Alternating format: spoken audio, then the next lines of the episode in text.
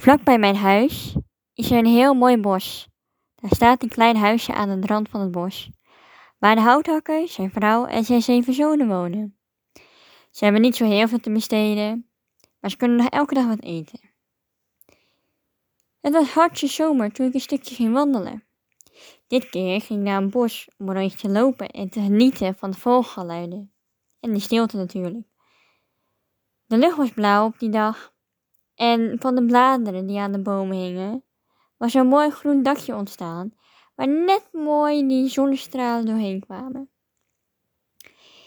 Ik had al ongeveer drie kilometer gewandeld in het bos, toen ik opeens vanuit mijn ooghoek iets zag glinsteren. En ik keek nog eens een keer goed en nog eens een keer goed.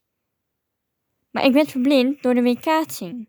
Dus ik pakte gauw mijn zonnebril en keek nog een keer goed. En ik dacht diep na. Wat zou dat nou zijn? En opeens ging er een lichtje branden.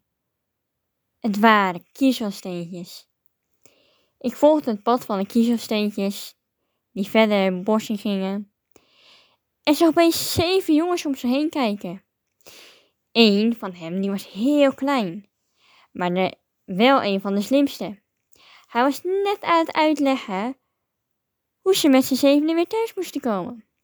Dus ik volgde de jongens via het kiezelstenen paadje, die de kleinste had neergegooid, want ja, hij was heel slim. En nadat ik ongeveer anderhalf kilometer had gelopen, ruikte ik opeens een smerige lucht. En ik sloeg gauw een sjaal voor mijn mond. Maar ik wou toch heel graag weten wat die geur nou was. Dus deed weer een sjaal van mond af en snoof, snoof diep de lucht in. Iel. Ik ging meteen een lichtje branden. De rook niet lekker, echt, echt heel smerig.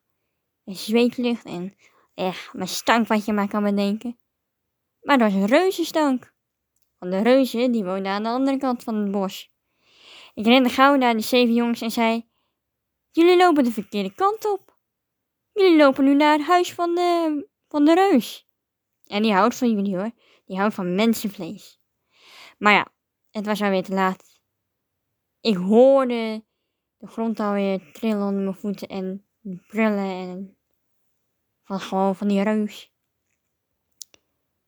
Want de reus die had een raampje openstaan, dus die rook zo meteen die jongens. Dus die, die deed de deur open en keek de jongens recht in hun ogen aan.